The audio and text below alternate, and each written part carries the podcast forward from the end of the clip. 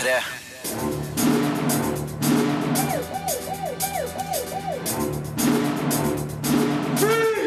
Filmpolitiet! What's your name, dude? Birger Vestmo. What kind of stupid name is that? Tre premierefilmer anmeldes i dag. High School-filmen The Duff griper ikke tidsånden skikkelig. Ex Machina er spennende og intelligent science fiction, mens A Most Violent Year er et solid og engasjerende drama. Vinneren av Filmpolitiets cosplay-konkurranse er kåra. Du får høre hvem som vant, og hvorfor.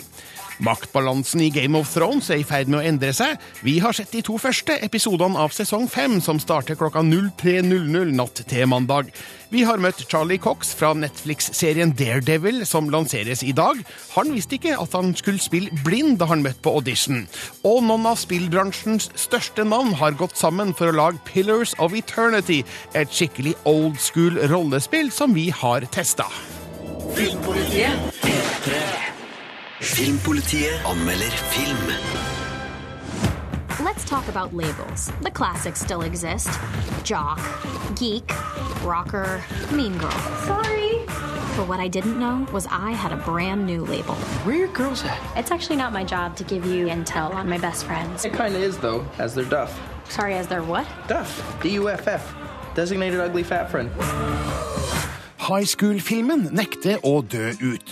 The Duff kaster et nytt blikk på de populære skjønnhetene, de kjekke idrettsheltene og de stygge nerdene som utgjør mikrosamfunnet på en amerikansk ungdomsskole. Følelsen av å ha sett det her før er påtagelig, og historien er så forutsigbar at det gjør litt vondt. The Duff reddes av en god hovedrolle av May Whitman og noen genuint friske og sjarmerende øyeblikk. Men filmen seiler i litt for kjent farvann og greier ikke helt å fange tidsånden. Every group of friends has one, you know, the one who doesn't look as good, thus making their friends look better, the one who's easy to talk to because no one's trying to get with them. You friended up. Bianca, spilt av May Whitman, blir fortalt at hun er en duff, en designated ugly fat friend, som andre på skolen bruker som kontaktperson for hennes penere venninne Jess, spilt av Skyler Samuels, og Casey, spilt av Bianca A. Santos. Hun bestemmer seg for å gjøre merkelappen til skamme, og får hjelp av barndomskameraten Wesley, spilt av en ung Tom Cruise lookalike Robbie Amell, til å trå ut av sin anonyme tilværelse, men blir dermed måltavle for skolas aller peneste og mest populære elev, nemlig Madison, spilt av Bella Thorne. How could you guys not tell me that I was your duff? Or what? Oh no, you did. I, Filmen forsøker febrilsk å være moderne ved å navngi absolutt alle sosiale medier man kan tenke seg. Det virker som et litt desperat virkemiddel for å distansere seg fra gamle og bedre high school-filmer, som f.eks. Mean Girls, Clueless og Fast Times at Richmond High. Alle hovedelementene er sett før, og lite nytt blir tilført. Det er fremdeles slik at pen betyr populær, kjekk betyr dum, og vanlig utseende og nedover betyr sosial paria-status. Det er interessant å se at high school-filmen er seg sjøl lik, enten det er 2015, 2005 eller 1995. I don't want to be anybody's duff. I want to be the dateable one. I will make sure you pass science if you help me with this. You got the easy part. I have to reverse Duff you. Are you wearing pajamas? Spenninga dreier seg etter hvert om Bianca får napp hos sin drømmegutt Toby, spilt av Nick Eversman, eller om det oppstår noe mer enn vennskap mellom hun og læregutten Wesley. Jeg greier ikke å opparbeide noe særlig entusiasme over noen av prospektene. Filmen har sine sjarmerende øyeblikk, men preges for mye av overfladiskheten fra billige ungdomsserier på Disney Channel, samt at de fleste skuespillerne virker å være betydelig eldre enn figurene de spiller. The Duff er et blaff. If I wanted to go shopping, I could have done that with Jess and Casey. I need you to give me real talk. You got a uniboob, your posture sucks. You need to start dressing less like Wreck-It Ralph. Terningkast tre. Filmpolitiet anmelder TV-serie. I believe men of talent have a part to play in the war to come. The Seven Kingdoms need someone strong. A ruler loved by millions with a powerful army and the right family name. Good luck finding him. Who said anything about him? Natt til mandag norsk tid starter altså sesong fem av Game of Thrones. Og vår største Thrones-fan heter Marte Hedenstad. Hei, Marte. Hallo, hallo. Ja, jeg vet ikke om Kan vi Kan du love at du har et kritisk blikk på denne serien nå, eller er alt bare topp stemning? Nei, altså, jeg eh, klarer å være kritisk, selv om jeg i utgangspunktet er stor fan. Eh, og det som egentlig er litt sånn, hvis man er veldig stor fan også, så er jo faren for at man blir skuffet større. Så det å være kritisk, det, det går helt fint. Du har sett de to første episodene, og vi skal vel da si at eh, det blir ikke så veldig mange spoilers her, men hvis man virkelig ikke vil vite noe som helst, så bør man slå av nå. Men uansett. Eh, Vi, vi går ut ifra at de fleste har sett de første sesongene hvis man er interessert i Game of Thrones. Eh, hva, hva skjer i starten av sesong fem? Ja, altså, eh, må, altså, Vi kan jo begynne bare litt med at mot slutten av sesong fire så skjedde det jo veldig mye ting som, som gjorde at eh, maktbalansen i Westeros nå er i ferd med å eh, forandre seg. Eh, Tywin Lannister eh, han hadde veldig stor makt, eh, og nå er Cersei og Jamie litt sånn engstelig for om klarer vi å holde på makta i Kings Landing og The Seven Kingdoms nå. Ja. Eh, og eh, det som er interessant, er at eh, Cersei spesielt har mista veldig mye nå. og hun er skikkelig bitter og skikkelig hevnlysten. Og er selvfølgelig ute etter å ta Tyrion. Men er nerven fremdeles på plass, eller begynner serien å gå litt tom nå? Nei, altså ehm, de, Den første episoden brukes egentlig utelukkende på å, en sånn slags statusoppdatering. Eh, hvor er de forskjellige rollefigurene nå, eh, og, og, og hvordan er det de har det? Eh, men likevel så er det en nerve og spenning her, fordi at siden det er så mange som har mista så mye, og det er, det er så mye indre konflikter ute og går her nå, at eh, rollefigurene er egentlig mer interessante å følge enn en noensinne. Mm.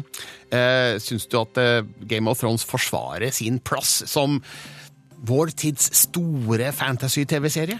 Ja, virkelig. Det gjør det virkelig. Eh, HBO har selvfølgelig alt på plass når det gjelder produksjon eh, på eh, foto og alt mulig sånn der, og alle skuespillerne er gode som alltid.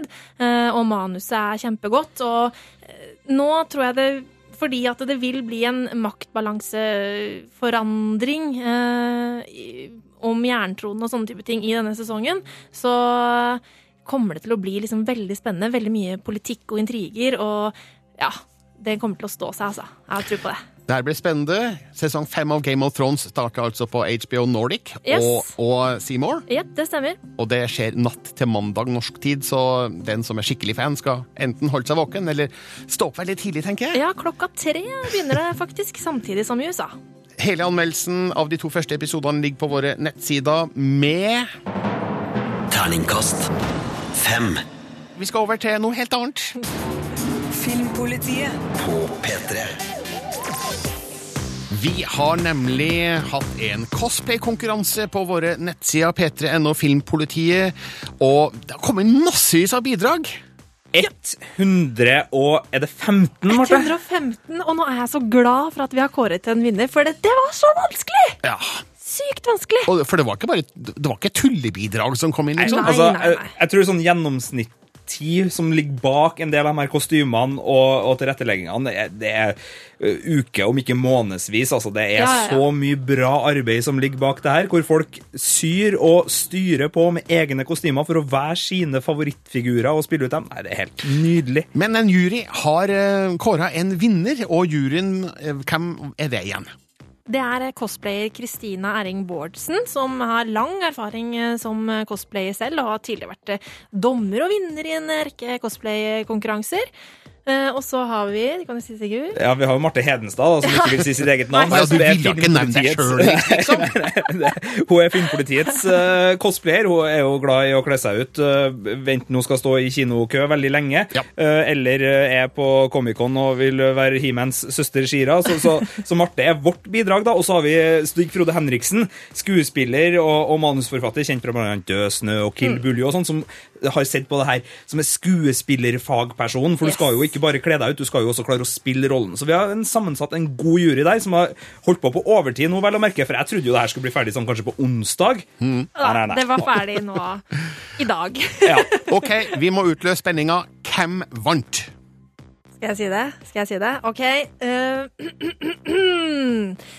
vinneren er Martine Moen, som har laget uh, Lu Lucrecia Borgia fra The Borgias. Martine Moen Stuedal, står det på mitt ark her. Stuedal, ja. ja. Mm. Fantastisk. Gratulerer. Og Sigurd, du har snakka med Martine. Jeg tar kremjobben, da, vet du, så jeg bare ringer og sier gratulerer og sånn. Vi spoler litt tilbake og hører hva du eh, sa til hun.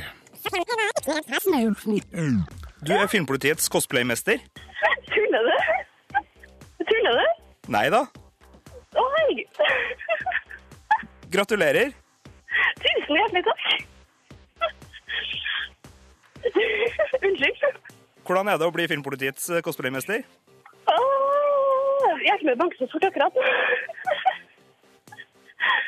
Åh, det er, det er litt sykt, egentlig. Det her er vel egentlig den første cosplay-konkurransen, eh, og det er offisielt min del. Og det er litt artig.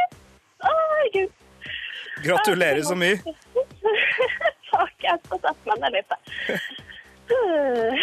Ja, Det sa en glad og lykkelig Martine Moen Stuedal, som er vinner av Filmpolitiets eh, cosplay-konkurranse.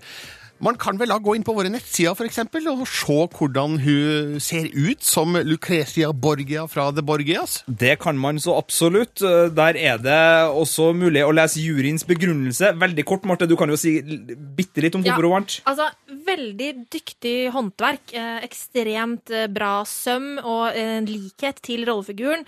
Og godt spilt eh, og riktig stemning. Takk, Marte. Takk, Sigurd. Og takk ikke minst Martine. Den britiske science fiction-filmen Ex Machina har norgespremiere i dag, med utendørsscena filma i Norge. Den er sett og anmeldt av Sigurd Vik. Filmpolitiet anmelder film. Did you program her to flirt with me? If I did, would that be cheating? Wouldn't it? Ex Machina er en film som setter frykten for kunstig intelligens og redselen for at maskinene skal ta over verden, opp mot det ansvaret mennesket har hvis vi lykkes med å skape en intelligens som er både selvstendig, selvbevisst og i stand til å føle. So. The Caleb, spilt av Donald Gleeson, kjent fra Harry Potter-filmene, er en særdeles dyktig programmerer som vinner et lotteri på jobben. Premien er å bli flydd fra kontoret i den amerikanske storbyen og ut til sjefen Nathan sitt private forskningsanlegg. Do you know what the Turing test is? It's when a human interacts with a computer. And if the human doesn't know they're interacting with a computer, the test is passed. Her skal Caleb være den menneskelige delen i en test som skal sjekke om sjefen har lyktes med å skape kunstig intelligens. Intelligensen som skal testes, er den kvinnelige roboten Ava. Det starter med enkle samtaler og tegneoppdrag, men stemninga endres raskt da Ava utvikler følelser for Caleb og forteller nykomlingen at han ikke må stole på Nathan. What will happen to me if I fail test? Ava, Will it be bad? I don't know. Do you think I might be switched off because I don't function as well as I'm supposed to? Eva, I don't know. I filmen får vi ikke vite hvilket land forskningsanlegget ligger i, men omgivelsene er filma i Norge, med flotte sekvenser av både skog, isbre, fjell og fossefall. Den norske naturen tilfører filmen et billedskjønt og virkningsfullt element. Kontrasten som regissør Alex Garland setter opp mellom det kjølige, sterile og klaustrofobiske forskningsanlegget og den åpne, friske naturen som omgir det, utgjør et glimrende bakteppe for et drama om maskiners følelsesliv. I am become death, the destroyer of worlds. There you go again, Mr. Quotable. Ex Machina er ikke en film som finner opp sci-fi-kruttet, og den byr ikke på spektakulære nyvinninger innen framtidstenkninga på film. Men den kan sin sjanger og er en velspilt og moralfilosofisk spennende film som får masse ut av sine lekre kulisser. Den er også krydra med et kledelig lag av vittigheter, popkulturelle referanser og treffende blikk på våre internettvaner. Og regissør Alex Garland klarer å skape både følelsesmessig engasjement og frykt for menneske og maskin. Do you think about me? If you lie, I will know. No. Lie. Terningkast fem. Les mer om film, spill og serier på p3.no Filmpolitiet. Det var Sigurd Vik som anmeldte premierefilmen X-Maskina. Men nå skal det handle om en gammel TV-serie. Og da, Sigurd Vik, Marte Hedenstad og Rune Haakonsen, skjønner dere og alle andre hva det handler om? God fredag. Det er jo selvsagt Twin Peaks. Ja, for det har skjedd mye med Twin Peaks den siste uka. Altså, Én ting er jo at den originale serien fylte nøyaktig 25 år på onsdag i forgårs. Og samtidig så er det bråk rundt den kommende tredje sesongen, som skal komme til, til neste år. For hva skjedde i påskehelga, Rune? Jo, det var jo det at uh, altså, For David Lynch har jo egentlig sagt at han, han, han har jobba med og skrevet nye episoder og hadde en avtale med TV-kanalen Showtime om å da vende tilbake en ganske sånn overraskende beskjed når vi først fikk vite om at dette var på trappene, og de har kommet ganske langt i arbeidet. Men når David Lynch da leverte inn manuset til Showtime, så så de at budsjettet ville bli mye høyere enn først avtalt, og dermed så ble det litt knute på tråden, som da eskalerte denne uka her til at David Lynch gikk ut og sa nå jobber ikke jeg lenger på dette. Og det gjorde han overraskende i forhold til sin co-creator Mark Frost, Mm, og sjøl hans nære samarbeidspartner og advokat visste ingenting, så eh, David Lynch virker som en litt løs kanon her. Altså, han er jo en litt sånn lunefull kar, men eh, nå viser det seg jo at det virker som at han egentlig har brukt det her som et lite sånn pressmiddel på å få Showtime til å gjøre serien akkurat sånn som han vil. Med andre ord få mer penger til Ja. å lage det. Og, og, og, og de siste rapportene er i hvert fall at forhandlingene pågår fortsatt. Siste mulighet, eller siste tog har ikke gått, så får vi bare håpe da at det blir et, en tredje sesong i, i virkelig David Lynches eh, skal vi si, ånd. Men, men, men det er litt sånn rare at han har jo ikke vært så veldig mye på, på horisonten de siste åra som filmskaper heller. Nei, altså jeg mener at det siste han gjorde av uh, interesse var Mulholland Drive i 2001. Der er vi uenige. Der, Birger. Ja, ok. eh, Altså, for, vi, altså, Birger må Nå, nå må dere fortelle, da. Hva, Inland hva da? Empire, da. Inland Empire.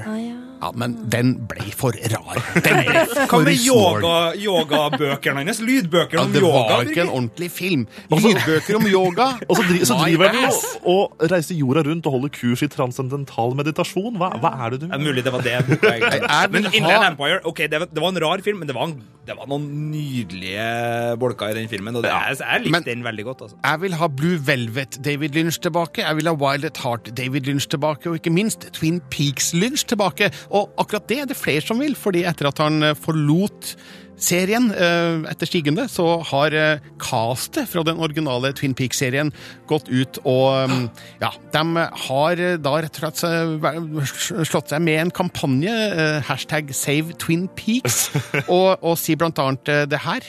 Twin Peaks without David Lynch. It's like a girl without a secret. Twin Peaks without David Lynch is like a dog without a bark. Twin Peaks without David Lynch is like a waitress without her uniform. Twin Peaks without David Lynch is like the fire without the heat. Ah, akkurat, ja. Fire without the heat, altså.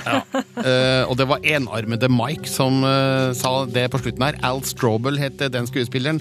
Så hva er sjansen da for at vi får se David Lynch som regissør av sesong tre av Twin Peaks? Jeg, jeg har trua. Fire walk with me. Jeg har trua på det her. Det kan ikke gå galt. Det går ikke an å vente i 25 år og si at nå skal det ordne seg, for så å bare trekke ut pluggen og la oss sile ut med badevannet. Det er ikke lov, David Lynch. En siste teori er jo at alt dette bare er spill for galleriet. Det kan godt hende. Vi får se. Eh, Jeg tror ikke siste ordet er sagt i eh, Twin Peaks-sagaen. Marte, Sigurd, Rune, takk skal dere ha. P3.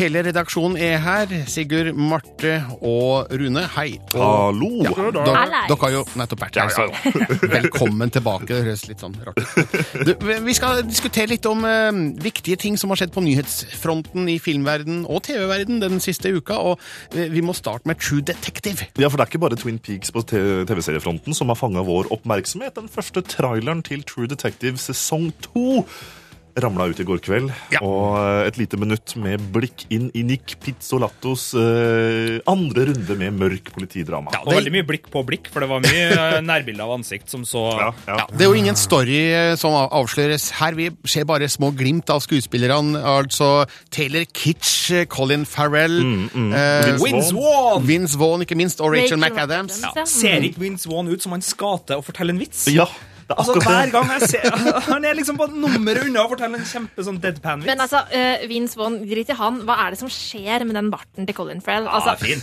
Jeg, nei, Jo, oi, oi, jo. Den, er, Ja, den er fin. den er ikke troverdig Men i det du, hele tatt. folkens, jeg er en av de som alltid har ment at Colin Farrell han har et ekstremt stort talent. Han han har bare brukt det på litt, Litt sånn feil filmer. Han har bare ikke brukt det. Og, og brukte det bra i Brussel.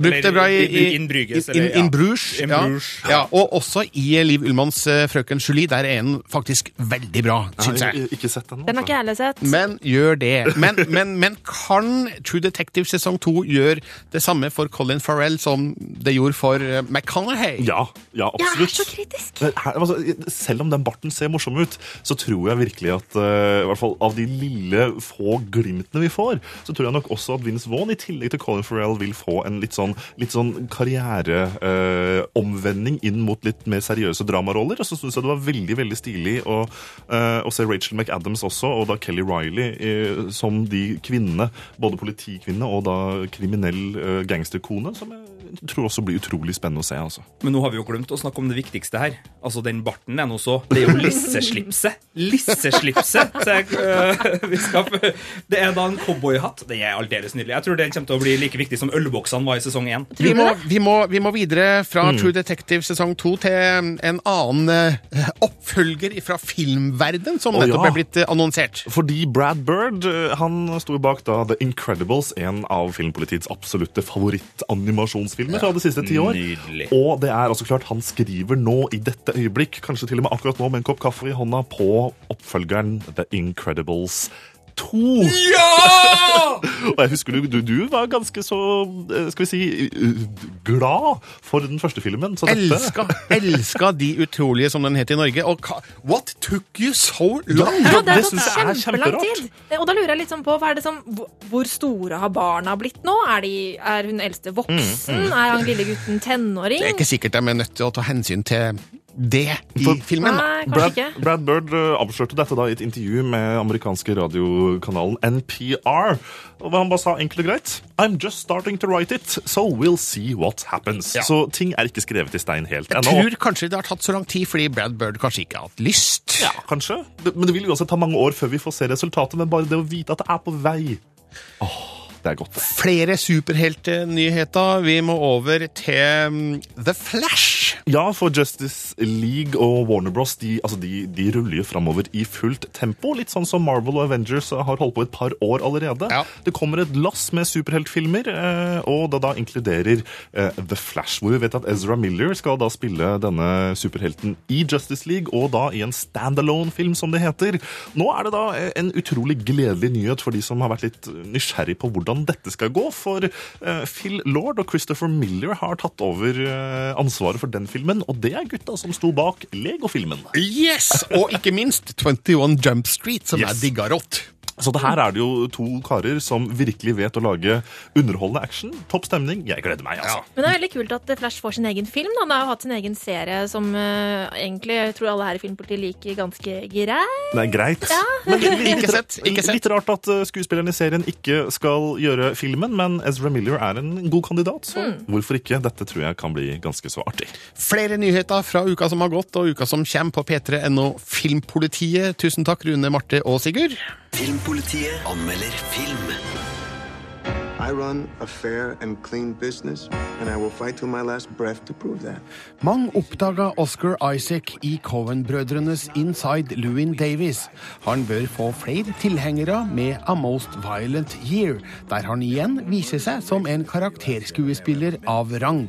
Han spiller hovedrollen i et tett og intenst drama om en mann som forsøker å holde sin sti ren i en skitten bransje i en farlig by.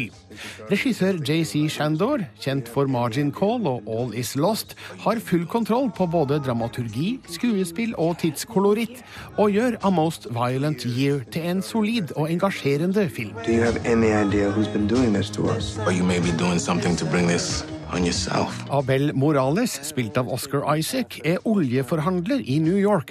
Han etterforskes for skatteunndragelse og annet snusk av den ambisiøse statsadvokaten Lawrence, spilt av David Oyelowo, samtidig som noen til stadighet kaprer tankbilene hans og tømmer dem for den verdifulle lasten.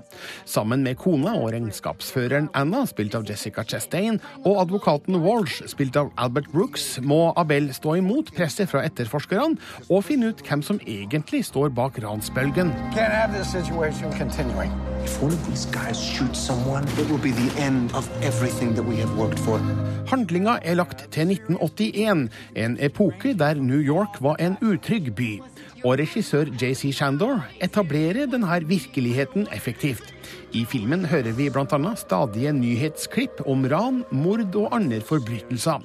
Tidskoloritten og miljøbeskrivelsen er overbevisende.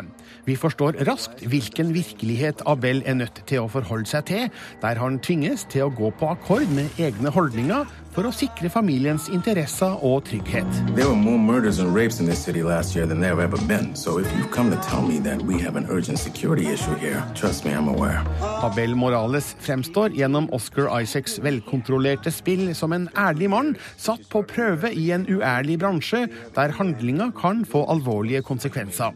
Stort sett handler det her om virkelighetens problemstillinger, gjerne av økonomisk karakter, men i filmens mest spennende øyeblikk får vi òg velfungerende dramatikk med action-snert, sjøl om JC Shandor er klok nok til å holde det innafor troverdige grenser. Where did you get? A Most Violent Year kun hatt en bedre skildring av Abels forhold til Anna.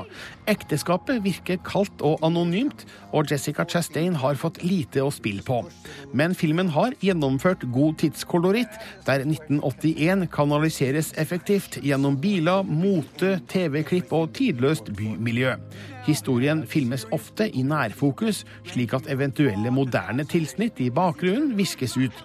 Kombinert med noen gode skuespillerprestasjoner og en interessant historie om etikk og moral som enhver kan forstå, uansett bakgrunn, er A Most Violent Year et tilfredsstillende drama. When it feels scary to jump, that is exactly when you jump. Terningkast fem.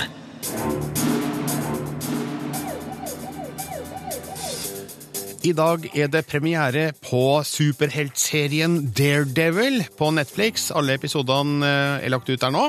Eh, Som eh, filmpolitikollega Rune Håkonsen har anmeldt til terningkast seks, og kaller det en svært velprodusert produksjon som setter en ny standard for strømme- og superheltserier.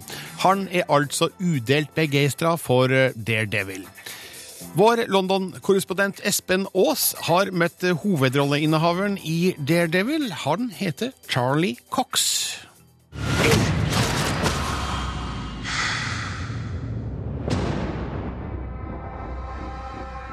Han var kjent som Våghalsen, eller Demonen i tegneserieform i Norge på 70- og 80-tallet, men nå er det Daredevil. Og er av Marvel-fansen svært etterlengtet som TV-serie. Det vet også skuespiller Charlie Cox, kjent fra bl.a. Boardwalk Empire, som blinde advokaten som er. I've become increasingly aware of, of how important the Daredevil is, but also so many of the Marvel characters are to so many people. I mean, it's there's, there's, there's, an extraordinary following, um, both in the US and, of course, uh, you know, worldwide. And that I, I, I think I was kind of blissfully ignorant at first. I didn't quite realize. I mean, I've got so many friends who, I, who I've known for years who I, I had no idea were huge uh, uh, Marvel fans. You're blind, but you see so much. I hear things. You know what they call stuff like that? Gifts. I'm gonna train you. Selv er Cox alt annet enn noen tegneserienerd. Han innrømmer kjapt overfor NRK at han visste absolutt ingenting om rollefiguren på forhånd, og iallfall ikke dette med syn. I'd never read a comic. I'd, uh, I'd never. Um, I hadn't even seen the film, the uh, the Ben Affleck 2000, 2003 film. So um, I don't know if I even knew that he was a superhero. I certainly didn't know. I remember when I had my first audition, I didn't know that he was blind because I got the I got I remember getting the breakdown for the audition sides, and I read them with a friend of mine, and and he kind of said, "Isn't isn't Daredevil blind?" And I said, "No, I don't think so. I think I would have I think I would have known if that was the case." so I had to Wikipedia him quickly. Good and evil. Sometimes the difference between the two is a sharp line. Sometimes it's a blur. Som kjent er riktignok Daredevil blind, men han har svært gode sanser som gjør at han enser omgivelsene vel så godt, om ikke bedre, enn de scenene. Og det var en utfordring når det skulle spilles inn serie. Yeah, that was an interesting. You know, I had to always kind of remind myself on set. You know, who, who's in the room, who knows, who doesn't know. What's the, you know, what's the appropriate um, level of blindness to play at this point? You know. When I was a kid, I used to dream what it would be like to live somewhere far away from Hell's Kitchen. Da det ble laget kinofilm om Daredevil for tolv år siden med Ben Affleck i hovedrollen, var det få forventninger hos fansen som ble innfridd. Nå kan de forvente seg en mørkere og mer voksen affære, varsler Charlie Cox. You can't please everyone, but uh, hopefully we can please a majority. Um, and uh, uh, I think the one thing I will say for, um, this kind of you know realistic, gritty, dark, kind of um, aimed towards a slightly mature audience, um, suits this character. Um, more so than maybe other characters. So hopefully, if, on the Netflix platform, that's that's gonna that's gonna work well. What are you gonna do? Whatever it takes. Går alt bra med serien og planlagte serier om superheltene Iron Fist, Luke Cage og Jessica Jones, ja, så dukker han opp senere også, da som medlem av superheltgruppen The Defenders. På en eller annen dato. Først skal publikum få mene sitt om denne versjonen av Daredevil. I respect your conviction. The lone man thinks he can make a difference.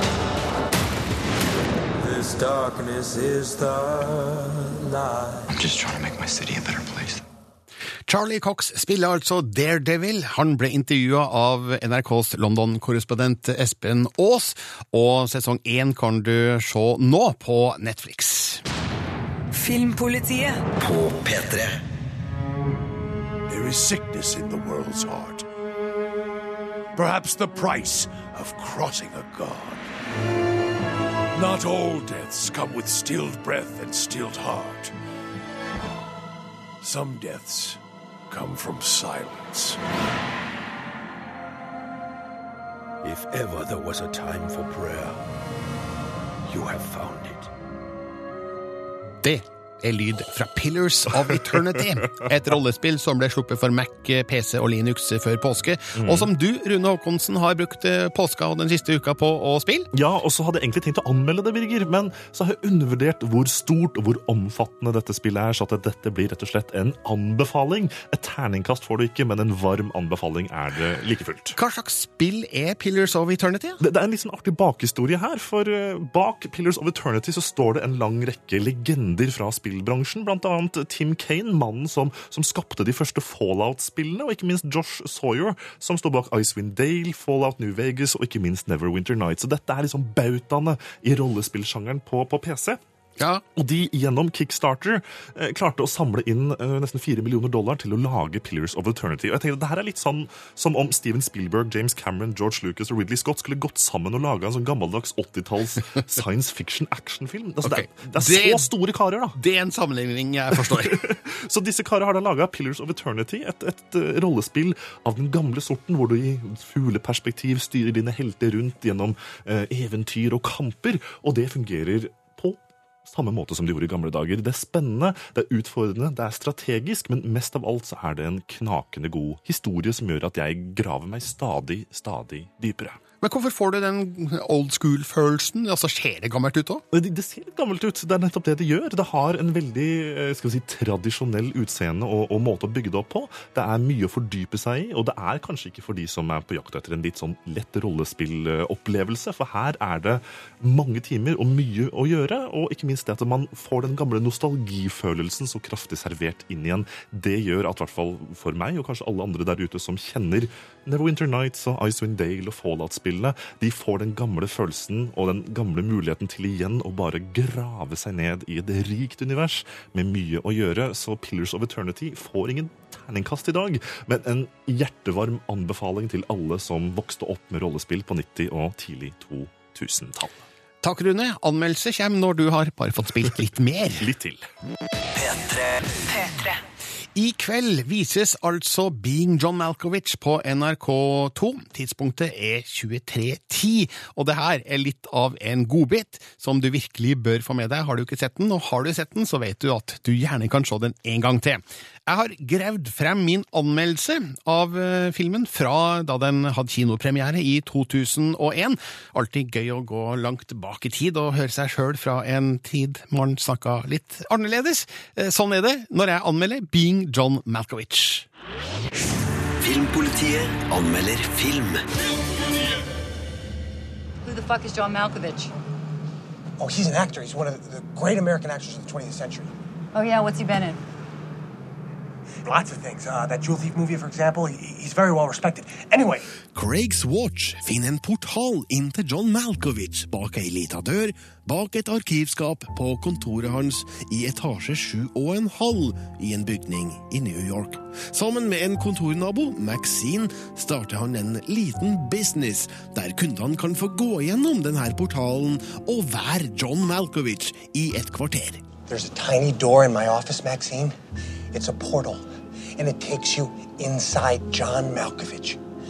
You see the world through John Malkovich's eyes, and then after about 15 minutes, you're spit out into a ditch on the side of the New Jersey Turnpike. Sounds great. Det her er starten til en merkelig film. En vidunderlig merkelig film som utvikler seg til å bli kanskje tidenes sprøeste sjalusidrama mellom Craig, kona Lotte, Maxine og en heller ufrivillig John Malkovich. When I looked into his eyes last night, I could feel you peering out. Really? Yeah. Behind the stubble and the too prominent brow and the male pattern baldness, I sensed your feminine. Being John Malkovich er et fabelaktig, fabelaktig eventyr for oss som har kommet lenger enn til Asbjørnsen og Mo. Manuset til filmen er det Charlie Kaufman som står for, og han har så mange forunderlige ideer og vrier på historien at overraskelsene kommer tett i tett gjennom hele filmen. Regissør Spike Jones har visualisert den deilige surrealismen med en ung nykommers oppfinnsomhet. Lottie, is that you? Yes, yes, sweetheart, yes. Yes, sweetheart, yes? What the fuck is going on? That's not me. I didn't say that. John Cusack er som nesten alltid briljant som Craig. Cameron Diaz er nesten ugjenkjennelig grå som kona Lotte, mens Oscar-nominerte Catherine Keener er forførende farlig, eller farlig forførende, som Maxine. Den største genistreken var likevel å få John Malkovich med på leken. Det hadde liksom ikke vært helt det samme med en film som heter Being Steven Segal. It's perfect. It's my second choice, but it's wonderful. Terningkast seks. Slik anmeldte jeg Being John Malkovich i 2001. I kveld går den på NRK2 klokka 23.10. P3.